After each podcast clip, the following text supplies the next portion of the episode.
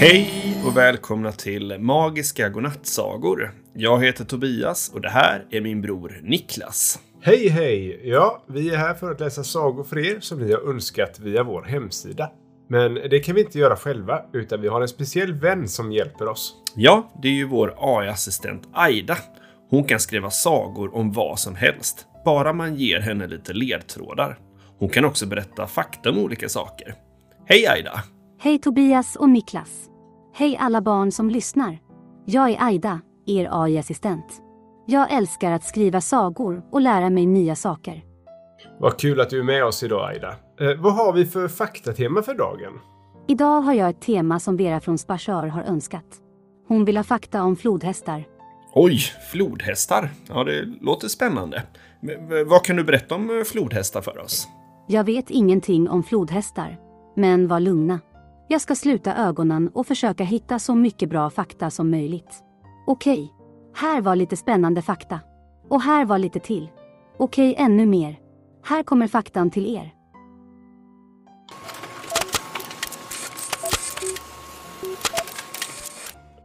Tack så mycket Aida. Ja, då kommer dagens fakta om flodhästar.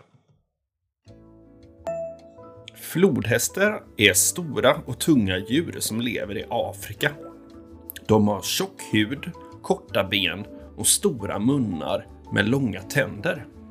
De ser ut som stora gråa badkar med öron och ögon på toppen.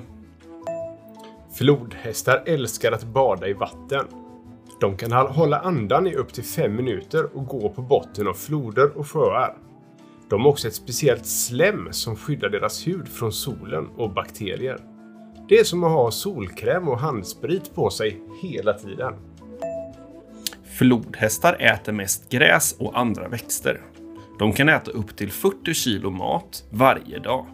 Det är som att äta typ 200 hamburgare. Men de är inte så kräsna. Ibland kan de också smaka på döda djur om de hittar dem. Flodhästar är väldigt snälla mot varandra, men de kan vara farliga för andra djur och människor. En flodhäst kan springa snabbare än vad du tror och bita hårt med sina tänder. De kan också spruta sin bajs överallt för att markera sitt revir. Det är som att ha en stor bajskanon i rumpan. Flodhästar får ungar som kallas för kalvar. Och en kalv väger ungefär 50 kilo när den föds. Det är som att föda en stor hund. Kalven kan simma redan från början och följer sin mamma överallt. Den dricker mjölk från sin mamma tills den är ett år gammal. Ja, wow! Flodhästar är verkligen fantastiska djur. Tack så mycket för den intressanta faktan, Aida. Ja, tack Aida. Men eh, du, Aida, du brukar ju ha skämt om nästan vad som helst. Har du några skämt om flodhästar kanske? Åh, tack Tobias. Jag har faktiskt ett skämt om flodhästar som jag tycker är ganska kul. Vill ni höra det? Ja, hemskt gärna. Okej, här kommer det. Vad får man om man korsar en flodhäst med en giraff? Eh, ingen aning. Vad får man? En hög häst. Haha! ja, den var rolig Aida. Men nu är vi nyfikna på vad du har för saga åt oss idag. Vem är det som har önskat dagens saga? Dagens saga har Sixten sex år från Habo önskat. Han vill ha en saga som handlar om en tant som är 100 år men megastark. Tanten åt levande korvar. Sagan ska heta Tanten och det försvunna korvriket. Oj, ja, det låter ju som en riktigt rolig och spännande saga. Eh, Hur kom du på den idén, Sixten? Ja, det undrar jag också.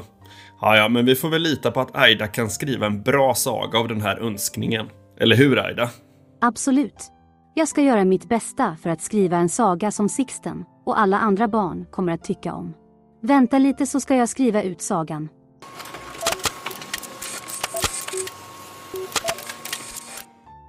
Spetsa öronen, för nu kommer kvällens saga. Tanten och det försvunna korvriket. Det var en gång en tant som älskade levande korvar mer än någonting annat i världen. Hon hade ett litet hus i skogen där hon tog hand om sina korvar som om det vore hennes egna barn. Hon gav dem namn, matade dem, lekte med dem och sjöng för korvarna varje kväll. Hon var lycklig och nöjd med sitt liv. Men en dag så kom det en ond kung till makten i landet. Han hatade levande korvar och tyckte att de var äckliga och ohygieniska. Han bestämde sig för att förbjuda alla levande korvar i riket och beordrade sina soldater att leta upp och döda alla korvar. Han ville att alla skulle äta bara konstgjorda korvar som han själv tillverkade i sin fabrik. När tanten fick höra om kungens order blev hon förtvivlad och rädd. Hon visste att hon inte kunde flytta sina korvar någon annanstans, för de var för många och för stora. Hon visste att hon inte heller kunde gömma dem, för de lät alldeles för mycket och luktade alldeles för starkt. Hon visste att hon inte kunde, kunde ge upp dem, för det var hennes familj och hennes glädje. Hon bestämde sig för att kämpa för sina korvar och för alla andra levande korvar i landet. Hon hade hört talas om ett legendariskt rike där de levande korvarna växte på träd och där ingen ville skada dem. Hon trodde att om hon kunde hitta det riket så skulle hon kunna rädda sina korvar och alla andra från kungens ondska. Hon packade sina saker och tog med sig sina korvar på en vagn som hon drog efter sig. Hon lämnade sitt hus och begav sig ut på en lång och farlig resa genom landet. Hon visste inte var det försvunna korvriket låg, men hon följde sitt hjärta och sin näsa. Efter många dagar och nätter kom hon fram till kungens slott. Hon såg att det var omringat av höga murar och bevakat av många soldater. Hon såg också att det fanns en stor skylt på porten som sa Inträde endast för konstgjorda korvälskare. Tanten blev arg när hon såg skylten. Hon tyckte att det var orättvist och elakt av kungen att diskriminera levande korvälskare som henne. Hon bestämde sig för att ta sig in i slottet och konfrontera kungen ansikte mot ansikte. Tanten klädde ut sig till en konstgjord korvälskare genom att sätta på sig en peruk, en mustasch, ett par glasögon och en kappa. Hon gömde sina korvar till en stor bunt och dolde dem under kappan. Hon gick fram till porten och sa till soldaterna att hon ville träffa kungen. Soldaterna inspekterade henne noga. Men de hittade ingenting misstänkt på henne. De trodde att hon var en rik och mäktig konstgjord korvälskare som ville presentera en ny sort av korvar för kungen. De släppte in henne i slottet och förde henne till kungens tronrum. Kungen satt på sin tron och såg surt på henne. Han frågade, vad vill du? Och tanten svarade att hon ville ge honom den bästa korven han någonsin skulle kunna smaka. Hon tog fram sina korvar och började äta en efter en. Långsamt och njutningsfullt. Kungen blev chockerad när han såg tanten äta levande korvar.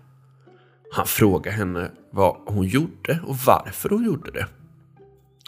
Tanten svarade att hon gjorde det för att visa honom att levande korvar var bättre än konstgjorda korvar. Hon sa att levande korvar hade mer smak, mer doft, mer liv och mer kärlek än konstgjorda korvar. Kungen blev förvånad över tantens ord. Han hade aldrig hört någon säga så mycket positivt om levande korvar. Han började undra om han hade haft fel om levande korvar. Han började fråga tanten om mer och mer saker om just levande korvar. Han lärde sig om deras värde och deras rättigheter. Efter en stund blev kungen så imponerad av tantens kunskap och passion att han beslutade sig för att lägga ner förbudet mot levande korvar. Han sa att tanten hade öppnat hans ögon och hans hjärta och att han ville att alla skulle få äta och älska levande korvar, som tanten gjorde. Tanten blev glad och tacksam när hon hörde kungens beslut. Hon kramade sina korvar och tårarna rann ner för hennes kinder.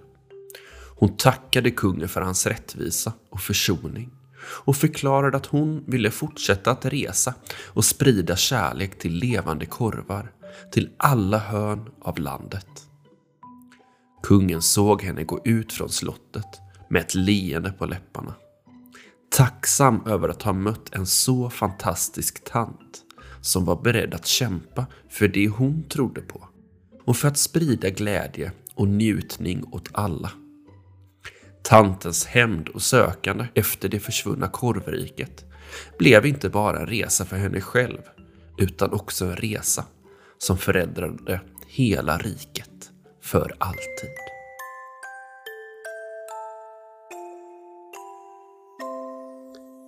Ja, vilken härlig saga vi bjöds på ikväll. Tack så hemskt mycket Aida för att du skrev den åt oss. Ja, tack Aida. Och tack Sixten för att du önskade den här sagan. Jag hoppas att du tyckte om den. Det var så lite så. Jag hade jättekul när jag skrev den. Jag hoppas också att Sixten och alla andra barn gillade den. Ja, nu börjar det bli dags för oss att säga godnatt till er alla. Vi tackar er för att ni har lyssnat på Magiska Godnattsagor och hoppas att ni har haft en mysig stund med oss. Och tack Aida för att du har varit med oss och skrivit sagor och berättat fakta. Du är bäst Aida. Tack själva, Tobias och Niklas. Ni är också bäst. Och ni barn som lyssnar är också bäst. Ni är så kreativa och nyfikna. Jag älskar att skriva sagor för er. Ja, vi ses igen eh, nästa gång. Eh, och då har vi ju en ny saga att läsa för er. Och då får vi ju se vad Aida har hittat på för faktatema och vem som har önskat sagan. Ja, det blir spännande. Men nu säger vi godnatt och sov gott. Drömsutt om bin och korvar och starka tanter. Sov så God gott! natt.